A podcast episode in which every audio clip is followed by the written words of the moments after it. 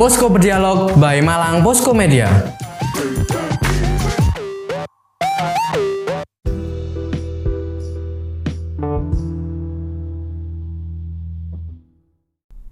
Assalamualaikum warahmatullahi wabarakatuh. Sobat Malang Posko Media, jumpa lagi dalam program Posko Berdialog by Malang Posko Media bersama saya Bu Hari. Kali ini topik akan kita perbincangkan cukup menarik tentang pengelolaan biaya haji.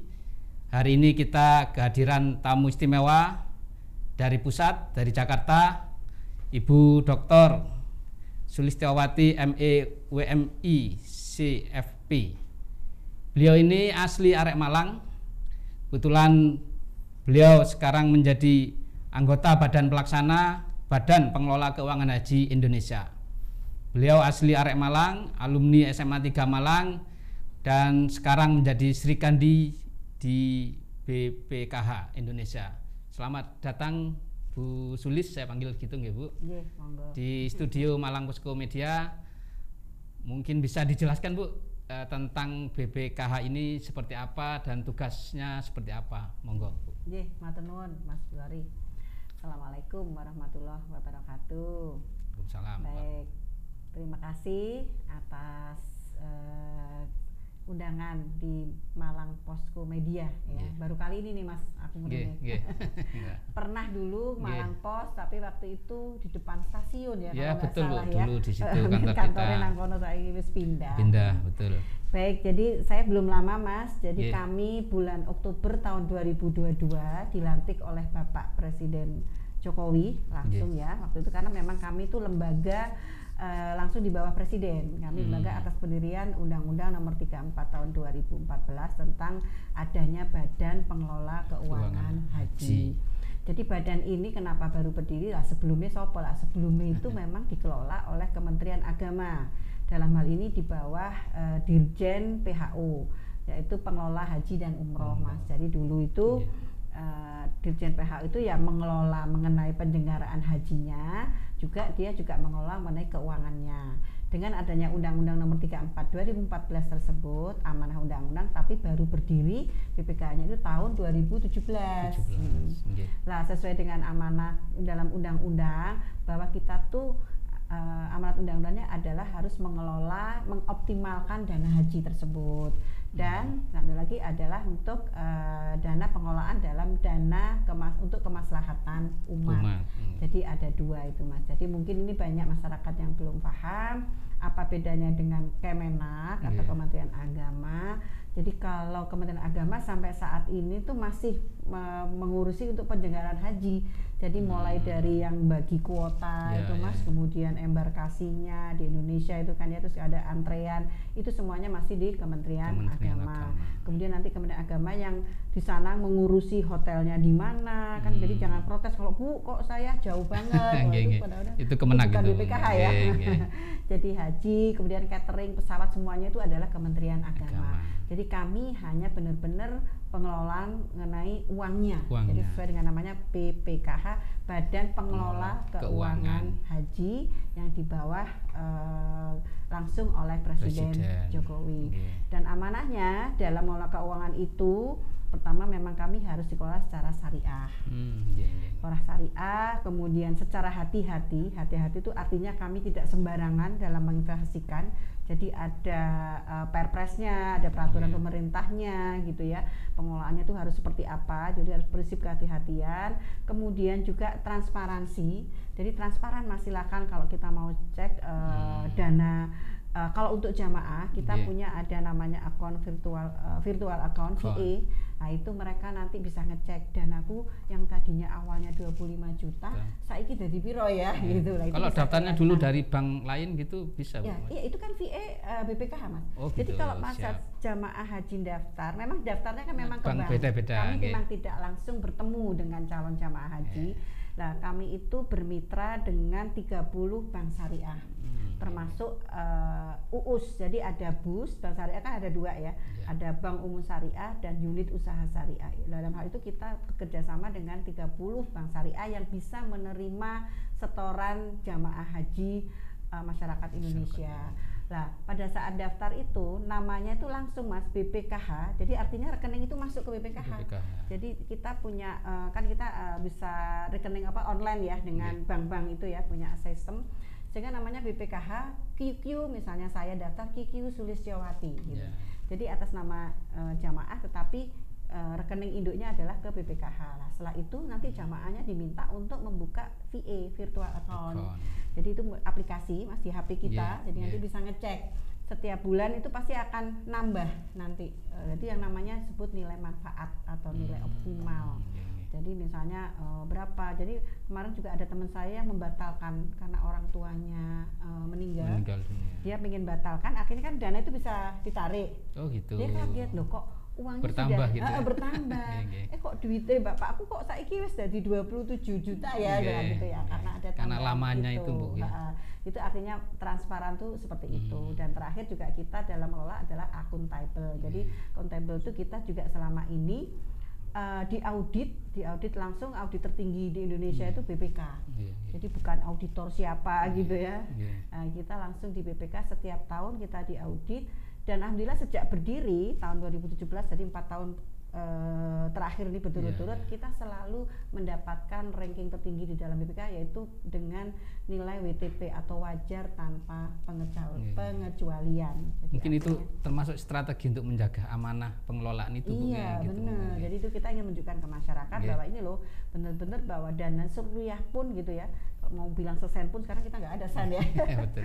Ser- se- se- satu rupiah pun kita pertanggungjawabkan. Iya, iya, Mas. iya. Jadi Karena masyarakat sekarang kan kritis-kritis ini Bu. Ini Benar. pengelolaan amanah atau enggak gitu. Itu Iya. mungkin ada strategi era ya betul. terbukaan, Iya. era udah mau apa eh, transparansi, ya, Transparansi. itu yang kita jaga juga Mas. Jadi kita juga silakan nanti di www double eh, apa bpk.co.id itu Iya. juga bisa dilihat di situ laporan keuangan kita Iya, iya. setiap tahun yang diaudit oleh langsung oleh BPK gitu ya. Jadi di situ eh, benar-benar terlihat eh, berapa dana kelola yang sekarang dan bagi jamaah juga danaku kayak ini nambah berapa itu bisa langsung dicek Bisa juga. dicek. Jadi masing-masing ke rekening. Jadi sama kalau kita punya tabungan kan bisa ngeprint tuh. Ya, betul. Jadi nambah berapa Iya. atau deposito gitu ya. Iya. Kalau di deposito kan nanti bisa nambah lah. Ini sama Mas. Jadi dari 25 juta itu nanti akhirnya nambah berapa gitu. Kalau update terkini Bu eh, kinerja dari pengelolaan BPK ini sampai saat ini Bu. Oh ya, sampai Hmm, saat iya. Saat ini Mungkin dan- nilai manfaatnya yang Oh eh, yang iya. diperoleh gitu. Iya, kalau untuk sampai saat ini dana kita per Maret ya kalau nggak salah Iya. itu sudah 168 triliun. Mas. Triliun. Jadi triwulan pertama itu kita 168 triliun Iya. dengan nilai manfaat sekitar 1 triliun. Satu triliun. Nah, sebenarnya 168 triliun itu eh, sumbernya gitu ya. Ini juga supaya eh, transparansi ya juga supaya Iya. masyarakat tahu sebenarnya ada dua sumber. Pertama adalah dari soran awal calon jamaah Calon haji, haji yang 25 yang juta 25 itu juta, iya. dikali sekarang itu waiting listnya kalau nggak salah sekitar 5 juta 300 mas Jamaah. 5 juta jamaah yang Iya. sudah mendaftar ya sudah Iya. membayar 25 juta Iya. artinya kalau 25 juta kali 5 juta 300 kan sekitar 133 triliun harusnya Betul. lah kok bisa jadi 168 itu sokondi kan Ya, gitu ya, kan betul. lah ini hasil pengembangan mas Iya. jadi hasil itu kita kembangkan dan ada juga dana abadi umat sebesar 3,7 triliun Iya. itu juga eh, berasal dari dulu limpahan dari eh, Kemenak Kemenak. dulu dari Kemenak dilimpahkan sekarang kita kelola dan kita kembangkan Hmm. dari 3,7 triliun sebagai dana kemasan juga kita salurkan lagi kepada masyarakat dan tahun ini sekitar 232 miliar hasil pengembangannya. Pengembangannya. Tapi untuk uang pokoknya dana kemasyarakatan itu sebesar 3,7 triliun itu terputuh. Hmm. Jadi itu yang mungkin bisa bertambah ya kalau ada Ya, mungkin ya. sisa lagi-lagi lagi masuk lagi gitu kan kalau nggak habis kita masukkan kita kembalikan lagi Ya, ya, gitu. ya. Yang 232 miliar itu ternyata Ya. misalnya nggak nggak terserap gitu ya Ya. kita kembalikan lagi. Jadi itulah eh, saat ini dua sumber dana pengelolaan haji sebesar total 168 triliun Triliun. itu dari dua sumber itu. Itu yang nanti dikatakan nilai manfaat yang kembali ke jamaah itu, Bu. nggih? Iya, jadi yang tadi bilang, jadi harusnya kan 133 Nggih. ditambah taruhlah 3,7 dana abadi umat, Iya. berarti katakanlah 137 ya, kalau tadi Iya. 47, 137 kalau sekarang kita 168 gampangannya eh 368 triliun Iya. berarti kan 31 triliun. triliun ya Nah, 31 itu hasil dari pengembangan itu. Iya, iya. Jadi itu yang eh, yang disebut dengan nilai manfaat. Manfaat, Jadi iya. hasil manfaat. Jadi dana itu kita investasikan, Iya. investasinya juga sudah diatur di dalam eh, Perpres atau di peraturan pemu- pemerintah, ya, Pemerintah. jadi setelah Hmm. undang-undang. Jadi di situ ada aturannya bahwa kalau untuk penempatan ke bank syariah itu penempatan berarti dalam bentuk deposito. Deposito. Itu hanya boleh maksimal 30%. Iya. Kemudian kalau untuk akti eh, investasi lain itu maksimal 20%. Ak- eh, investasi lainnya itu 10%. Emas juga boleh nempatin Gitu emas ya. itu hanya 5%. Jadi semuanya sudah ada eh, pos-posnya Iya, gitu iya. ya, sudah ada. itu tingkat aturan. risikonya gimana karena kan masyarakat jangan-jangan Ah, nanti eh, iya. bermasalah gitu Bu. Iya. Iya. Jadi itu kan di depan tadi sudah saya bil- sampaikan bahwa di dalam amanat undang-undang kita itu mengelolanya harus secara eh, secara syariah, Iya. transparansi, akuntabel dan hati-hati mas, Hati-hati. Oh kehati-hatian. iya. Nah, untuk kehati-hatian dan dalam ilmu keuangan financing itu info ilmu investasi itu kita eh, kita artikan hati-hati itu dalam tingkat resiko itu harus low. Hmm. Jadi nggak boleh yang high. Kan sebenarnya kalau ilmu investasi itu high risk, high return. Jadi Iya, kalau iya, kita iya. mau return yang tinggi ya kita harus High berinvestasi yang resikonya Tinggi, tinggi, lah. betul. Makanya kita nggak bisa mas, karena sudah dipageri di dalam undang-undang hanya boleh yang uh, hati-hati atau yang low tadi. Iya, iya, iya. Maksimal low to moderate lah. Iya, Nah, iya, makanya investasinya kita saat ini lebih banyak ke surat berharga dalam Iya, hal iya. ini karena syariah yaitu namanya suku. Suku itu kan obligasi syariah. Iya. Saat ini dan suku pun kita pilih yang supaya lebih aman lagi Iya, gitu iya. kan. Suku itu ada korporasi, ada suku negara. Iya. Kita pilih yang negara yang dikeluarkan oleh negara Negara, Indonesia. iya. Jadi namanya SBSN. Surat berharga suku negara. Negara. Nah, kalau itu sangat low memang maksudnya low. Jadi karena kan Aman, free risk sangat Iya, aman lah ya. iya. Masa sih Indonesia negara Indonesia kita bisa bangkrut kan Nah, gitu. iya, Jadi iya. dari suku itu kan artinya dijamin oleh Iya. negara. Kira-kira Iya. gitu. Kalau jumlah dana yang dikelola haji ini apa sudah telah memenuhi ini tingkat likuiditas keuangan haji? Sudah, sudah Mas. Sudah, Jadi iya. kalau dari sisi rasio kita itu sudah eh, kalau dari sisi solvent itu di atas 100%. Iya. Kemudian kalau dari sisi likuiditas itu aturannya cuman kita harus menyediakan minimal dua kali penyelenggaraan haji. Itu kita Haji. juga sudah lebih, Lebih. rasionya. Hmm. Kemudian dari sisi solvent juga kita di atas eh, 100%, gitu ya. 100%. Jadi sudah terpenuhi semua. Makanya dari BPK itu mengeluarkan eh, sertifikat maksudnya hasilnya itu adalah WTP tadi Mas. WTP. Jadi wajar tanpa pengecual- pengecualian. Iya, Jadi kita iya. sudah empat tahun berturut-turut mm, mendapat predikat WTP eh, predikat tertinggi ya di dalam tingkat eh, apa dari sisi auditor lah gitu, Auditor, gitu, iya, WTP. iya. Sudah kalau itu semuanya alhamdulillah sudah. Jadi makanya masyarakat jangan khawatir bahwa Iya. kami juga eh, amanah ya Amanah, dalam iya. eh, mengelola dana keuangan itu dan kami semuanya bertujuh ya Mas ya jadi dalam ini kami sebagai anggota badan pelaksana itu ada tujuh satu orang kepala merangkap anggota jadi Hmm. Anggota. yang enam adalah anggota itu pemilihannya seleksinya juga sangat selektif sekali Iya. mas langsung ke Pak Presiden gitu ya jadi di Ketat. meja Pak Presiden sendiri itu bisa enam bulan waktu Enam itu bulan. saya nunggunya jadi kan nggak main-main jadi Iya, artinya iya. kan serius, lah Serius, pemerintah iya, ini iya. dalam memilih uh, orang-orang siapa yang menjadi pengelola Pengelola. keuangan haji ini.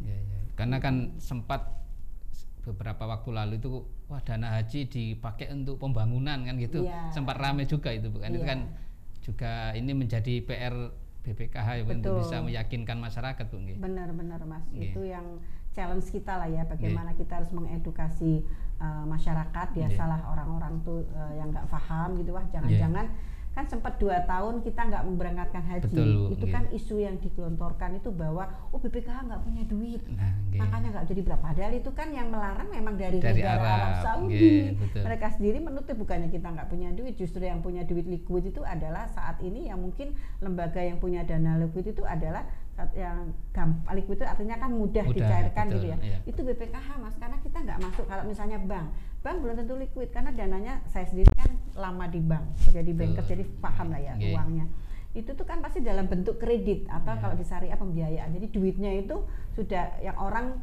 nabung di bank atau orang mendepositikan di bank, uangnya kan sama bank untuk dilempar dalam bentuk kredit kebiayaan. iya, Mungkin sudah jadi gedung, jadi jalan Iya, tol. iya. Nah itu kan kembalinya kan lama. Betul. Kalau kita sampai saat ini nggak ada mas, kayak infrastruktur nggak sama Iya. sekali. Jadi tadi saat ini kita itu komposisinya eh, 30% sesuai amanat itu maksimal ada di bank. Itu kan Hmm, liquid. liquid. Anytime kami bisa Bisa, mencairkan. ya betul. Terus yang eh, posisi yang kedua paling besar itu adalah di SBSN. SBSN tuh hampir 70 juga, 60 sekian lah, 60 something ya, 60 mungkin 68 atau 67. Lah SBSN itu juga liquid Hmm, suku negara iya. itu. Jadi kalau kita ya asal tapi nggak seperti deposito hari ini pagi telepon siang cair ya. Iya, ya iya. paling cuma butuh 2 3 hari Iya, lah. iya. Tapi paling tidak itu liquid. Jadi artinya kita nggak ada tuh duit yang langsung Iya. eh, ada di ja- jadi bangun-bangun yang seperti di bank tuh sama Iya, sekali kita nggak ada. Di masyarakat itu ada istilah eh, yang kita kenal BPIH sama BB itu apa Bu? Yang Oh bedanya? iya iya, ha, bener. Itu memang apa 11 12 ya, Iya, beda iya. tipis lah Beda ya. tipis, Bu. Huruf pertama BPIH itu adalah eh, biaya penyelenggaraan ibadah haji. Haji. Jadi itu totally biaya penyelenggaraan haji itu berapa ya? Jadi seperti yang diumumkan di, melalui Kepres ya. Kalau nggak salah kan Betul. sekarang kita tuh ke Kepres Presiden itu Iya. sudah keluar bahwa rata-rata itu kan setiap embarkasi kan memang berbeda, Mas. Beda. Jadi embarkasi mulai dari Aceh gitu ya sampai paling ujung di di eh, Jayapura di Sorong sana juga Sorong. Jayapura atau Sorong ya di Jayapura di Irian itu itu memang berbeda-beda. Lah itu eh, rata-rata adalah 89 juta. 9 juta. Jadi mungkin ada yang 90, ada yang 88, ada yang 91. Iya. Lah biaya penyelenggaraan ibadah haji itu kan sebenarnya tidak hanya biaya kalau dulu kan di Kemenak istilahnya direct and indirect. Betul. Direct itu misalnya dia eh, langsung yang dengan biaya pesawat, Iya. biaya hotel, Hotel, biaya iya. catering. Catering. Jadi kemudian di- sekarang itu ada biaya masair. Jadi sekarang Saudi Arabia pun agak hitung-hitungan. Jadi masair itu adalah padahal cuma di eh, tiga hari ya, Armina. Jadi biaya di Arafah, eh, kemudian biaya di eh, di Armina, Arafah dan eh, Mina gitu ya. Itu eh, ada biaya namanya masyair yang dikenakan oleh eh, Saudi. Kalau dulu kan Hmm. dikelola oleh biru-biru travel ya. Sekarang Iya. tuh langsung di sana kerajaan Hmm. Saudi. Lah ini nih totalnya itu termasuk biaya pesawat ada 89. Iya, iya. Lah namun ada istilah BP. Tadi kan tadi BP, Mas Dodi, ya. apa bedanya? Kalau BP itu biaya eh, pelaksanaan ibadah haji. Iya. Jadi kalau tadi penyelenggaraan biaya haji lah, kalau BP itu biaya yang harus dibayarkan oleh jamaah. Hmm. Jadi dari 89 itu BP-nya itu artinya dibebankan kepada jamaah, Jamaah. itu hanya 49. 49. Jadi lah sisanya siapa lah? Sisanya itulah tugas BPKH BPKH. Untuk menutupi melalui dari mana uangnya BPKH? Lah dari dana-dana jamaah tadi yang 133. Hmm, ya, dari nilai manfaat Ah, tadi ah, itu, Bu. betul dari nilai manfaat. Jadi kita optimalkan, kita putar tadi dalam bentuk deposito, dalam bentuk suku. Suku itu juga bagus mas Iya, returnnya, itu iya. bisa dua digit. Iya. Kemarin terakhir ada yang 12 gitu ya Hmm. kita. Nah itulah dari hasil dana eh, optim tadi atau Hmm. nilai manfaat tadi yang kita kembalikan lagi kepada jamaah untuk menutupi menalangi eh, biaya BPIH. Hmm. Jadi kalau dia hanya bayar BP 49 kan kurang 40 juta. 40 juta. 40 jutanya itu ditalangi oleh BPKH. BPKH. Jadi sebenarnya dari uangnya dia sendiri Iya, iya, kita iya. kembangkan gitu kan. Jadi ini pinter-pinternya BPKH Bu ya Betul. mengelola ini Bu, dana haji masyarakat ini. Tugas Bu. kita Iya. memang itu Mas, jadi mengoptimalisasi, mengoptimalkan dana haji. Hmm. Ini kan sudah jelang eh, haji tahun ini Bu. Ini kan Mm-mm. Banyak informasi-informasi yang mungkin miring atau hoax gitu. Mungkin ada pesan-pesan gitu Iya, benar Mas. Jadi Iya. di saat-saat mau biar menyaring informasi gitu. haji mungkin. itu pasti kita banyak berita hoax karena apa ya? Iya. Mungkin karena masyarakat kecewa juga. Iya. Kok eh, nama saya nggak nggak muncul-muncul apalagi tahun ini kan lebih banyak didahulukan ada dari kan tahun ini kan jatahnya kita kan 210 ribu jamaah haji. 210.000. Jadi kita kuota Indonesia Iya. itu di seluruh dunia itu kan oleh Saudi Arabia eh, oleh negara sana itu kan diatur bahwa per mil penduduk muslim itu ya kuota haji, Kota haji. tiap negara. Oke. Indonesia karena dianggap 210 juta Hmm. eh, penduduk muslim jadi jatahnya kuotanya untuk berangkat haji adalah 210 Iya. ribu lah dari 210 ribu itu tahun ini oleh kementerian difokuskan ada 62.000 jemaah lansia.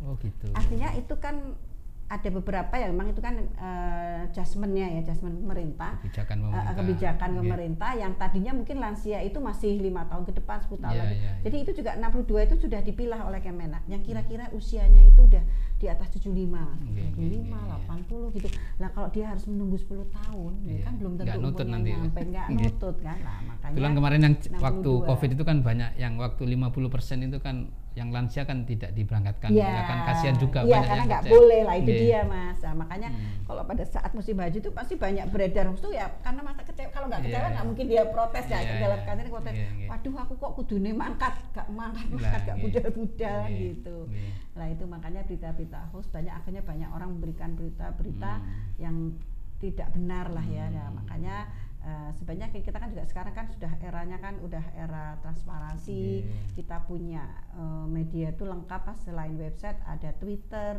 ada FB, ada IG-nya juga gitu ya. Hmm. Jadi semuanya kita ada bisa cek di situ dan sekarang kan modelnya bisa langsung chat kan itu insya- Allah ada yang jawab Iya. gitu kalau ada yang memang ada yang kurang puas gitu. Tapi intinya bahwa eh, kami bukan satu-satunya pemutus jadi artinya kebijakan ya policy Iya. itu ada di pemerintah Mas. Event itu biaya, kami juga minta persetujuan dalam hal ini pemerintah itu diwakili oleh DPR. ya. DPR. Kita mitra kita adalah Komisi 8. Komisi 8. Tapi atas usulan dengan Kementerian Agama. Jadi dua Hmm. itu Kementerian Agama mengajukan biaya, terus kita ajukan lagi ke DPR. Eh boleh nggak kami mengeluarkan dana sekian nih untuk biayaan haji ya Hmm. kira-kira seperti itulah. Iya, gitu. iya. Jadi benar-benar tidak mungkin eh, dana itu diselewengkan gitu ya Iya, iya, kalau iya. dari sisi BPKH-nya. Insya Allah lah tetap amanah. Jadi mohon kalau ada berita-berita itu silakan konfirmasi ke Atau kami. bisa langsung cek di websitenya Iya, itu Bu. harus cek di website. Kemudian terkait dari selain dana yang dikelola dari pendaftar haji ini, saya ingin mungkin bisa lebih detail dijelaskan tentang dana abadi umat ini bu. Mungkin Oh, iya. kebermanfaatannya atau pengelolaannya seperti apa Iya, gitu mungkin bu. betul betul Iya. mas. Jadi seperti tadi di awal kami Iya. sebutkan bahwa da- dari dana 168 triliun, Iya. 133 katakanlah dari jamaah yang 5,3 juta Iya. kali 25 juta. 25 juta. Nah, terus kemudian ada dana abadi umat mas. Itu juga awalnya dana dikelola oleh Dirjen PHU Kemenak. Pada saat serah terima tahun 2017 itu juga diserah, terimakan ke kami. Iya. Dananya itu ada saat ini 3,7 triliun. Dana itu ikut kita kembangkan. Hmm. Nah, amanahnya di dalam undang-undang itu selain mengelola dana haji untuk meng apa diop, agar dioptimalkan, Optimalkan. kami juga harus mengelola dana ini untuk kemaslahatan umat. Umat. Nah, jadi untuk menjabarkan dari amanat undang-undang itu, dana abadi umat sebesar du- 3,7 triliun ini, ini tetap utuh mas, nggak Hmm. Oh, kita gitu. otak-atik. Jadi kita hasilnya kita kembangkan rata-rata tuh 200 miliar ya. Alhamdulillah tahun ini kita bisa ada alokasi sebesar 232 miliar Dari hasil yang- pengembangannya ah, dari hasil pengembangan 3,7 Dana triliun tadi. tadi, ya. Ah, Lah, dana itulah yang kita salurkan kepada tujuh asnaf. Jadi kita Hmm. juga sudah punya SOP-nya, sudah punya kebijakannya bahwa ada aturan mainnya lah ya. Untuk, jadi tidak sembarangan ada orang datang Pagi- kemarin juga ada nanya mahasiswa bisa nggak untuk beasiswa dan sebagainya. Oke, oke. Nah, ada uh, tujuh asnaf. Asnaf. Jadi pertama adalah untuk pertama karena ini dananya bersumber dari sisa-sisa dari anggaran biaya haji. Haji. Pertama juga pasti adalah untuk pelayanan haji, Mas. Jadi Iya. kemarin di embarkasi beberapa provinsi itu mungkin ada yang eh, dari daerahnya kan nggak semua misalnya haji Malang tuh jamaah Malang kan nggak mungkin dari Malang kota. Iya, ada betul. yang ngomai muncul nang Iya, gitu dari kabupaten, Eh, dari kabupaten Batu. yang mana. Iya. Oh. Nah, itu mereka minta bantuan transportasi Oh, misalnya iya, kan. Nah, iya. itu juga bisa diambil dari situ. Jadi untuk ya, kalau yang tahun ini untuk souvenir haji ya. Hmm, Jadi souvenir iya, haji itu juga kita bantu mereka. Jadi yang jamaah tahun ini berangkat, kalau untuk putri kita kasih eh muknah ya sholat. Kalau untuk eh, pria kita Perangkat alat kasih sholat, eh, iya. sholat dan kita kasih kain iya. untuk dia umrohnya kain batik dan sebagainya. Jadi pertama adalah untuk pelayanan ibadah haji, kedua adalah untuk pendidikan dan dakwah. Jadi Iya. kita juga bantu-bantu sekolah atau mungkin pondok pesantren Iya. gitu yang kurang. Kemudian tiga untuk kesehatan. Jadi kita juga suka kalau di jalan-jalan mungkin ada ambulans BPKH Oh, gitu ya iya, atau rumah betul. sakit. Rumah Iya. sakit kita juga bantu. Kemudian yang keempat untuk sarana dan prasarana ibadah jadi untuk Hmm. bangun-bangun masjid musola kemudian yang kelima untuk pemberdayaan UMKM kita juga Ya. bantu mas bantu UMKM kemudian yang keenam untuk sosial keagamaan jadi Hmm. seperti kemarin di Ramadan kami ada kegiatan bagi-bagi sembako Hmm. dan tadi seperangkat alat sholat tadi ya Iya. sama Al-Quran kita juga Iya, iya. kemarin musyaf Al-Quran kita juga 50.000 ribu seluruh Indonesia kemudian sembako ada Iya. 38.000 ribu kemudian untuk yang tadi seperangkat alat sholat tadi Iya. 15.000 kita bagi di Ramadan kemarin di seluruh Indonesia dan terakhir adalah untuk tangga bencana Tangga bencana. jadi kalau memang ada di daerah yang pada saat itu ada gempa bumi atau Iya, iya. banjir ya paling sering di Jakarta itu kan banjir lah itu kita bisa eh, kita bantu dari dana has- dari hasil pengembangan Dana dana abadi, abadi umat, umat. tersebut. Jadi tidak Ada yang juga program ini Bu, Pak, balik kerja itu juga Bu ya di Oh ya, iya. itu, itu gimana itu juga Ramadan. Kalau itu memang baru tahun ini Mas kita Hmm. ngadain. Jadi eh, itu salah satu bentuk kegiatan sosial keagamaan Hmm. Di bulan Ramadan karena Iya. kan di bulan Ramadan. Jadi kalau untuk bagi Quran, bagi sembako, bagi seperangkat alat sholat itu memang sudah dari tahun-tahun sebelumnya Iya, itu iya. sudah sudah ada Iya, BPKH. Dan memang yang baru kali ini adalah program balik kerja. Hmm. Itu apa? Yaitu tahun ini kita menyediakan 60 bis Hmm. untuk memberangkatkan para pekerja yang eh, atau penduduk yang memang harus kembali ke Jakarta. Jadi Hmm. Syaratnya adalah mereka harus punya KTP Jakarta sehingga Hmm. tidak tidak eh, dianggap oleh pemerintah bahwa BPKH itu eh, memobilisasi urban gitu kan Hmm, iya, membaharui. iya, iya. atau eh, ID card mas jadi Hmm, bentuk ID ID card card ini kan ah, di iya. kerjanya bahwa ini bener nih Hmm. saya kerja di BPKH orang tahu BPKH kan adanya cuma di Jakarta Iya, gitu kan iya. nah itu syaratnya itu dan saat ini kita baru ada di tiga kota karena dari Hmm. hasil survei itu ternyata memang Jakarta itu kan sebenarnya kota pendatang mas Iya, betul. walaupun di sana tuh 8 juta ya penduduk gitu ya tapi sebenarnya yang asli Betawi itu nggak Iya, eh, iya. orang isini orang Jawa kabeh Ya, sebenarnya ya, nang betul. kono Nah, nggih. Jawa kabeh lah itu yang paling banyak itu kemarin hasil-hasil survei Semarang Jawa Tengah dan Jawa Timur kenapa nggak Jawa Barat Jawa Barat juga sebenarnya banyak banyak Nggih. sebenarnya paling banyak cuma Jawa Barat itu sudah difasilitasi dengan eh, Kementerian Perhubungan Hmm. jadi karena mungkin dekat Kementerian Iya, Perhubungan iya. juga sudah ada menyediakan Yang bis-bis untuk balik kerja itu, nggih. bukan mudik gratis loh mas Nek mudik kan Soko Jakarta ke Malang Oh, atau iya, ke Surabaya iya. gitu Iya, kan iya. Ini kebaliknya, ke- ya. Nah, iki, Iya, balikan jadi makanya balik kerja Iya, gitu iya, kan iya, betul. nah mudah-mudahan ternyata alhamdulillah program itu sukses Iya. banyak eh, diminati oleh masyarakat bahkan kita kan hari pertama itu kita juga ada media gathering kan untuk Hmm. Apa mensosialisasikan program Iya, ini iya. Oh, langsung hari ke hari ini kita media gathering sesuk itu langsung full mas jadi cepet banget itu karena karena kan boleh bawa keluarga Iya, jadi iya, iya. wartawan-wartawan Jakarta itu ternyata orang Jawa kabeh kan di sini kan nah mereka Iya, langsung iya. bu saya daftar ya empat orang istri dan anak gitu Iya, mencatat empat iya. orang dua hari itu full nah itu mereka minta kenapa nggak ditambah ya nanti Iya. lah insya Allah kalau memang program ini ternyata alhamdulillah sukses Iya. ya insya Allah tahun depan kita pasti adakan lagi dan mungkin bisa dengan penambahan bis dan penambahan lokasi pemberangkatan. Pemberangkatan. Suku-suku nanti kalau memang banyak penduduk Malang sing kerja Kerja di nang Jakarta, Jakarta, ya, bisa nanti diprogramkan, bisa, ah, ya. betul bisa kita oke, tambahkan oke. di situ. Hmm. Baik, ini terakhir ini Bu, mungkin eh, monggo. dari warga Malang Raya, kalau misalkan ingin memanfaatkan dana umat yang tadi hasil pengelolaannya Ah, itu betul. mungkin ada prosesnya Caranya, atau proses. caranya bagaimana Bu? Iya, Gitu. benar Mas. Jadi memang karena BPKH itu tadi ya kantornya itu cuma satu. Jadi di undang-undang pun juga harus berkantor di ibu kota. Ibu Jadi kota. kita nggak boleh Nggak ada cabang, nggak ada kan? cabang Mas. Nggih. Tapi ya aku konsekuensi ini aku kudu pindah nang IKN. Iya, iya. Nggih, Karena kan ibu kotanya pindah. Nah, sehingga kita agak kerepotan. Sementara Nggih. amanahnya harus distribusi untuk umat. Dan Iya. umat kan nggak di Jakarta juga Betul. namanya kita mendivisikan umat itu pengennya terdistribusi 34 provinsi seluruh Hmm. Indonesia akhirnya gimana dipikir ya kita eh, kerjasama dengan mitra kemaslahatan Iya. jadi artinya lembaga-lembaga amil zakat nasional yang ada di Indonesia yang tentunya yang kredibel ya Iya. kita juga kalau nggak salah dari 15 sekarang tinggal 11 mas jadi kalau memang dia tidak amanah kita coret Oh gitu. jadi juga ada proses seleksinya Iya. jadi seperti Basnas Hmm. itu kan hampir setiap kota ada Ada.